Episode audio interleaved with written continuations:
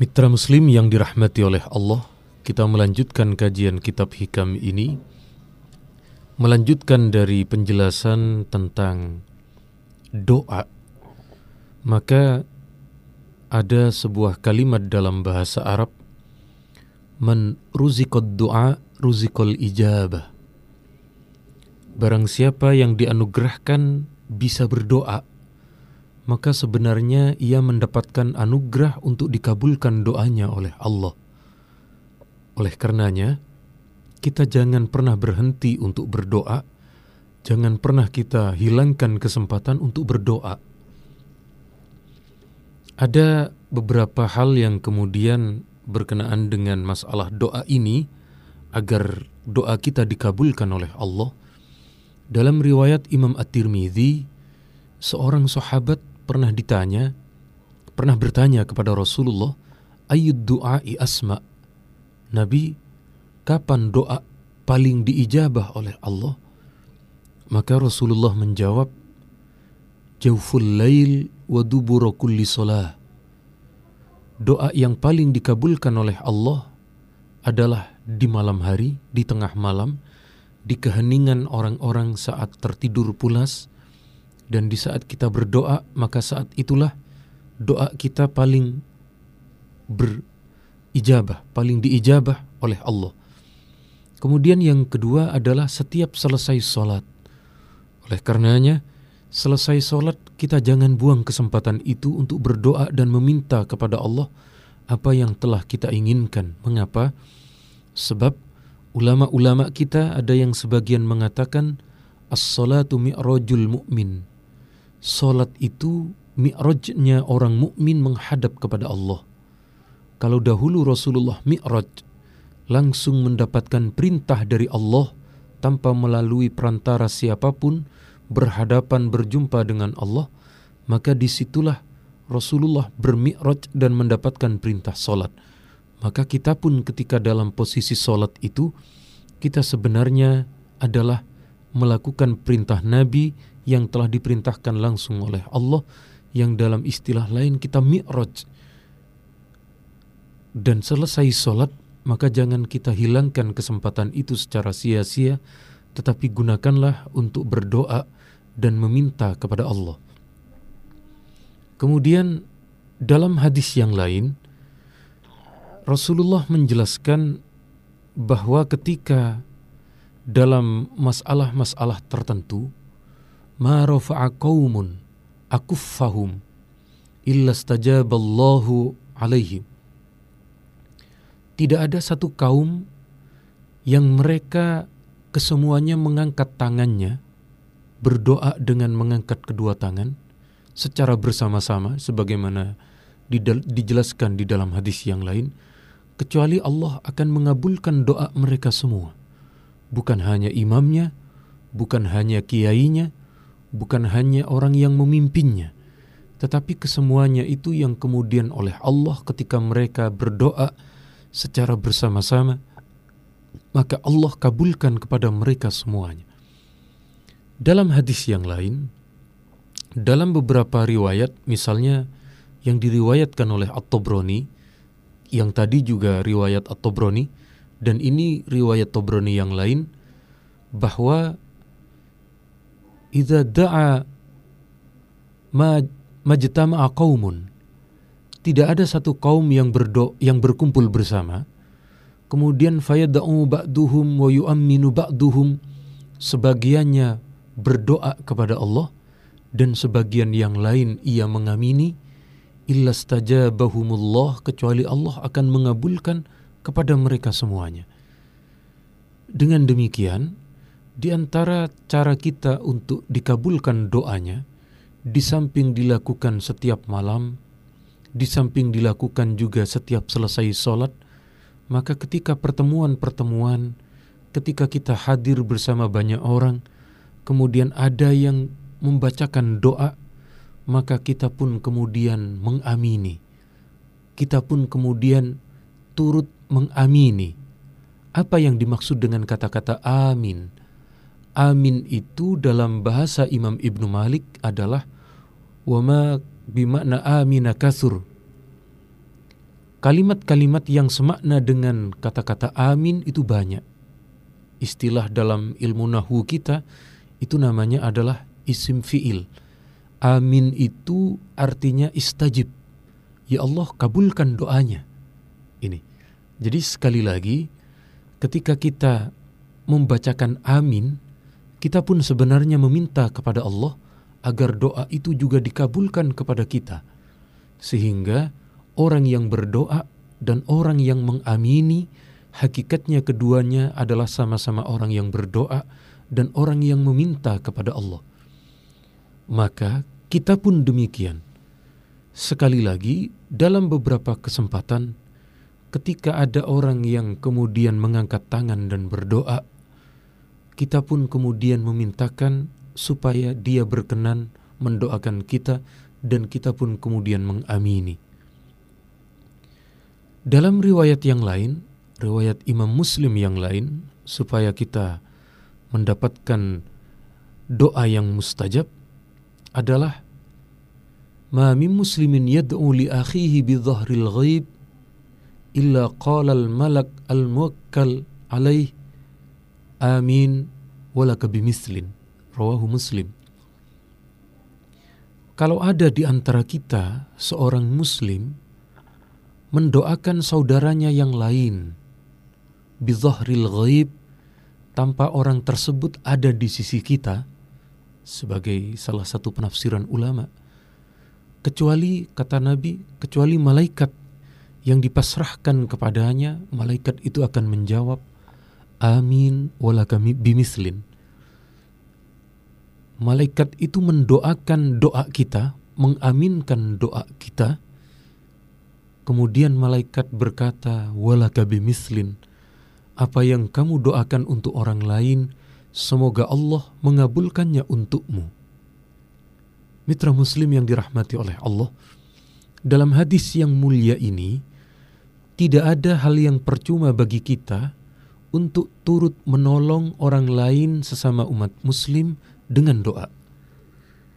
Ketika kita mendoakan kerabat kita yang sedang kesusahan, kita mendoakan kerabat kita yang sedang kesulitan, mendoakan kerabat kita yang terkena musibah, lalu kita doakan kepada Allah, "Ya Allah, ampuni dosa-dosa orang tersebut.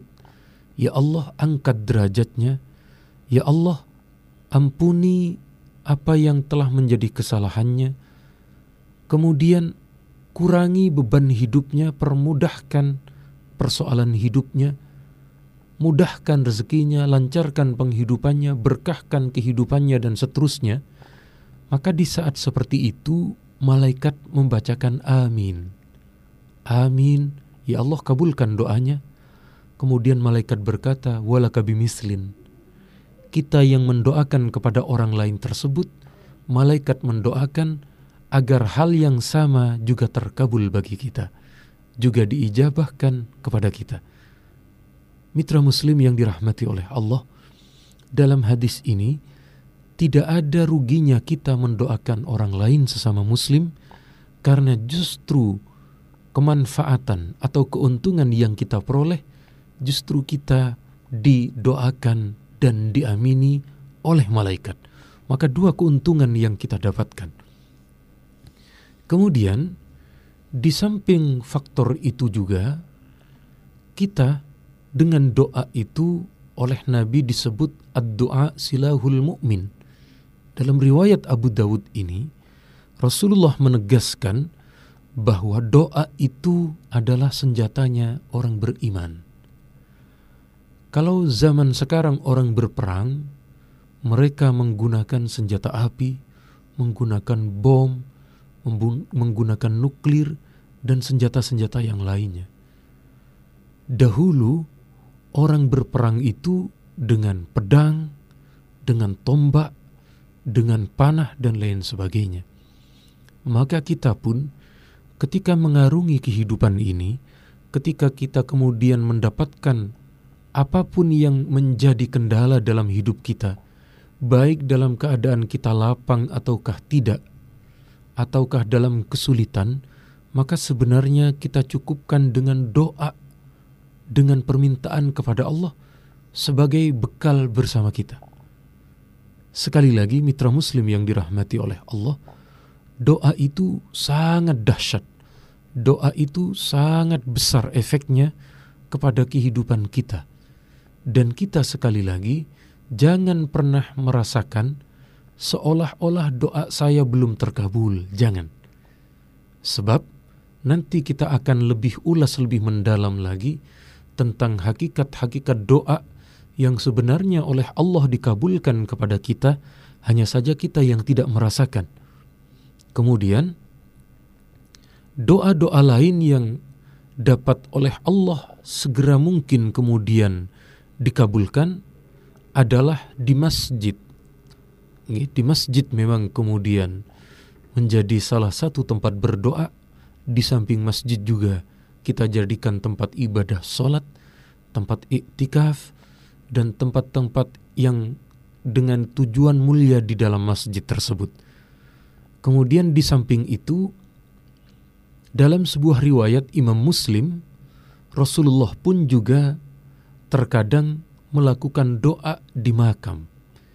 Hal ini diriwayatkan oleh Imam Muslim dari Sayyidah Aisyah bahwa suatu malam, Suman tolak ala istri. Rasulullah berjalan menuju ke makam Baki Kemudian saya berjalan di belakangnya dan ternyata Rasulullah membaca doa di sana. Fa'atala al-qiyam wa. Rasulullah berdiri sangat lama di sana dan beliau berdoa dengan mengangkat tangan sebanyak tiga kali. Oleh karenanya, di sini Rasulullah pun juga berdoa di makam yang memang doa itu adalah untuk mendoakan ahli kubur maka ketika kita pun mendoakan ahli kubur kepada keluarga kita yang telah meninggal, karena memang ziarah itu hukumnya adalah disunnahkan, maka sekali lagi doa kita pun insya Allah juga akan dikabulkan oleh Allah. Mitra Muslim yang dirahmati oleh Allah, kemudian sekali lagi dengan banyaknya cara-cara ataukah tempat-tempat ataukah waktu-waktu yang memang kemudian dijadikan tempat berdoa, maka kita memiliki peluang besar permintaan kita kepada Allah agar Allah merubah takdir kita, agar Allah kemudian menjadikan takdir yang lebih baik bagi kita di dalam kehidupan ini, tanpa menjelekkan, tanpa bersuudzon, berprasangka buruk terhadap ketetapan yang telah ditakdirkan oleh Allah. Mitra Muslim yang dirahmati oleh Allah, kita melanjutkan kajian kita berikutnya masih dalam satu tema dari kitab Al-Hikam tersebut yaitu doa yang kemudian terkadang kita merasa belum dikabulkan oleh Allah sementara Allah telah mengabulkan doa itu namun kita tidak merasakannya sekali lagi kita kemudian akan merasa Allah belum mengabulkan doa kita, padahal oleh Allah telah dikabulkan. Ini pentingnya husnuzon kita kepada Allah adalah sebuah hadis yang diriwayatkan oleh Imam Al-Hakim misalnya dalam kitab beliau Al-Mustadrak misalnya ma min muslimin yad'ullah illa stajaballahu da'watah. Tidak ada seorang pun yang berdoa kepada Allah kecuali Allah akan mengabulkan doa sebagaimana yang ia minta. Sekali lagi, Allah setiap apa pun bagi Allah yang telah kita minta dan kita doa, kita mintakan kepada Allah, maka Allah akan mengabulkan doa kita. Hanya saja, catatan dari misalnya yang disampaikan oleh Imam Al-Bukhari dalam kitab beliau Adabul Mufrad, cara mengabulkan Allah doa kepada kita adalah illa a'tahu ihda salas. Allah mengabulkan kepada kita dengan tiga cara. Allah memberinya kepada kita dalam tiga bentuk. Pertama, imma ayyu'ajjila lahu da'watah. Allah mensegerakan dan Allah mengabulkan doa sesuai yang kita minta. Misalnya, ketika kita meminta rezeki oleh Allah kepada Allah, maka Allah Allah pun dikabulkan dan kita segera mendapatkan penghasilan, kita dapat segera mendapatkan pekerjaan, kita dapat memiliki misalnya toko, memiliki penghasilan, dan juga kreativitas dan lain sebagainya.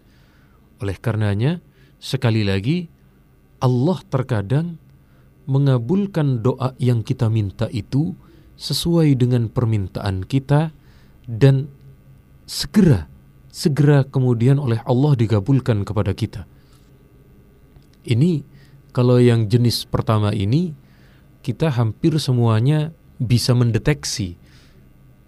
Oh ini dulu saya minta kepada Allah menentu yang soleh, menentu yang pintar, menentu yang kaya, menentu yang ganteng, tapi angel mendapatkan empat jenis seperti ini angel. Ya kita cukupkan beberapa tipe sajalah yang pokoknya soleh. Asalkan punya ilmu punya amalan insya Allah rezeki nanti datang sendiri. Kalau yang diminta langsung menentu yang pandai kaya ganteng. Mertuanya sudah. Orang tuanya sudah. Sangat tua misalnya. Wah ini langka ini. Jarang sekali kita temukan seperti ini. Sekali lagi terkadang kita menemukan satu doa yang oleh Allah dikabulkan secara nyata dan kita mudah menyangkanya. Oh ini doa saya yang dulu.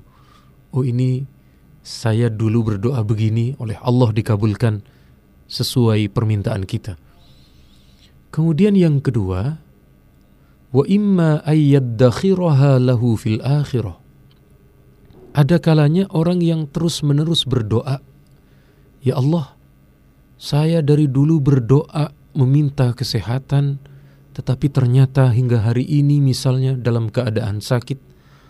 Dari dulu saya meminta tiap malam kepadamu ya Allah rezeki, tapi ternyata kehidupan kami tetap mengalami kekurangan. Dalam setiap apa pun terus menerus berdoa dan ternyata seolah oleh Allah tidak dikabulkan, maka jangan berprasangka demikian karena di dalam hadis ini sabda Nabi doa itu oleh Allah akan dikabulkan kelak di akhirat. Wa imma ayyaddakhiraha lahu ada kalanya doa kita itu oleh Allah disimpan, oleh Allah diinvestasikan, oleh Allah ditabungkan dan kemudian baru oleh Allah akan dikabulkan kelak di akhirat. Jadi sekali lagi tidak ada yang percuma bagi kita untuk kita mintakan kepada Allah.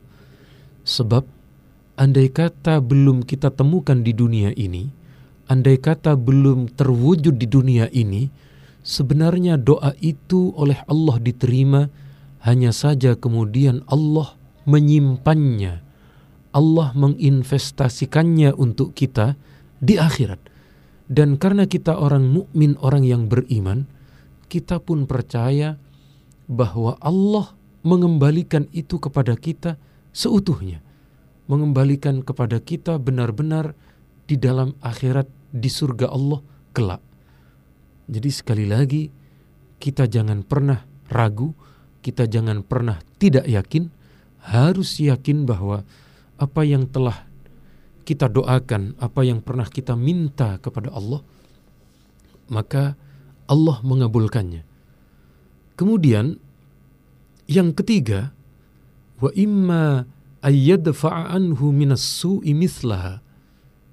Ada kalanya Allah menukar doa kita itu.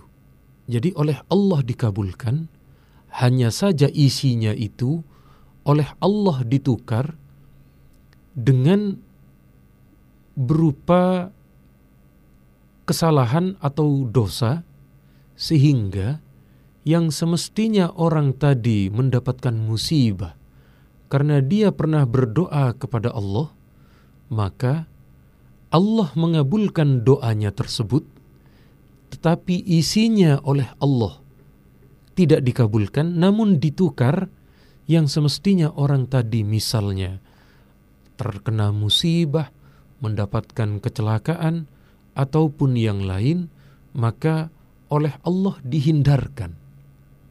Ini yang kemudian saya maksud bahwa terkadang Allah dan sudah pasti Allah lebih mengetahui terhadap kebutuhan diri kita daripada kita sendiri. Kita terkadang hanya memikirkan sesuai nafsu kita, doanya pun juga terkadang doa yang berisi nafsu. Sehingga oleh Allah, karena Allah yang lebih tahu, Allah yang maha tahu, maka Allah tukar. Allah gantikan cara yang lebih baik untuk kita. Misalnya, suatu ketika kita yang belum memiliki apa-apa, ternyata banyak di antara kita yang berdoa mintanya selangit, mintanya di luar nalar kita. Sekali lagi, memang tidak ada yang mustahil bagi Allah, memang tidak ada yang kemudian tidak akan dikabulkan, tetapi kita pun mengukur berdoa sesuai dengan kemampuan kita. Sesuai sekali lagi, sesuai dengan kemampuan kita.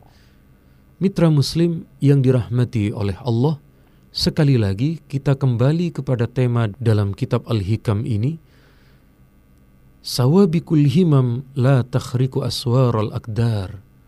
Apa yang telah menjadikan keinginan besar dari kita, maka kita pun tidak bisa mengotori tidak bisa merusak apa yang sudah ditakdirkan oleh Allah yang kemudian itu memang menjadi jalan takdir bagi kita. Maka di dalam ayat Al-Qur'an Allah pun telah menjelaskan inna kulla syai'in khalaqnahu biqadar. Segala sesuatu oleh Allah telah diciptakan sesuai dengan takdir maka apa yang terjadi bagi diri kita sebenarnya telah ditakdirkan dan telah ada ketentuan dari Allah. Hanya saja, sanggupkah kita menerima? Maukah kita kemudian benar-benar menerima takdir dari Allah tersebut? Nah, inilah yang kemudian oleh Allah orang yang semacam ini disebutkan di dalam salah satu surat yaitu dalam surat Al-Fajr Ya ayyatuhan nafsul mutmainnah irji'i ila rabbiki radiyatan mardiyah fadkhuli fi ibadi wadkhuli jannati Wahai jiwa yang tenang, nafsu yang tenang, kembalilah kepada Allah radiyatan mardiyah sementara kita dalam keadaan rela rela itu artinya kita berpasrah kepada Allah dan Allah pun ridho kepada kita. Jadi sekali lagi memang kita berkenaan dengan masalah takdir ini kita pun kemudian menerimanya apa yang telah diputuskan oleh Allah kepada kita. Tentu kita pun jangan berpangku tangan. Kita jangan hanya berdiam diri. Wah, ini takdir saya, saya tidak perlu berbuat apa-apa. Itu pun tidak diperbolehkan itu namanya adalah Jabariyah, satu kelompok di dalam Islam yang mereka tidak mau berbuat apa-apa hanya sesuai dengan apa yang dijalankan takdir kepadanya. Kenapa? Sebab bagi kita akidah ahli sunnah wal jamaah, meskipun Allah telah menjadikan takdir kepada kita, tetapi Allah telah meletakkan akal dan ikhtiar kepada kita. Kita masih bisa berusaha, kita masih bisa berpikir untuk keluar dari apa yang telah ada di dalam diri kita dan kita meminta kepada Allah. Hanya saja sekali lagi kita pun kemudian tetap meyakini andai kata kita sudah berusaha dengan doa, kemudian berbagai upaya, berbagai jalan telah kita tempuh dan yang ternyata hanya itu yang terjadi kepada kita, maka kita pun kemudian meyakini bahwa itu adalah takdir dari Allah kepada kita dan itulah yang terbaik bagi kita.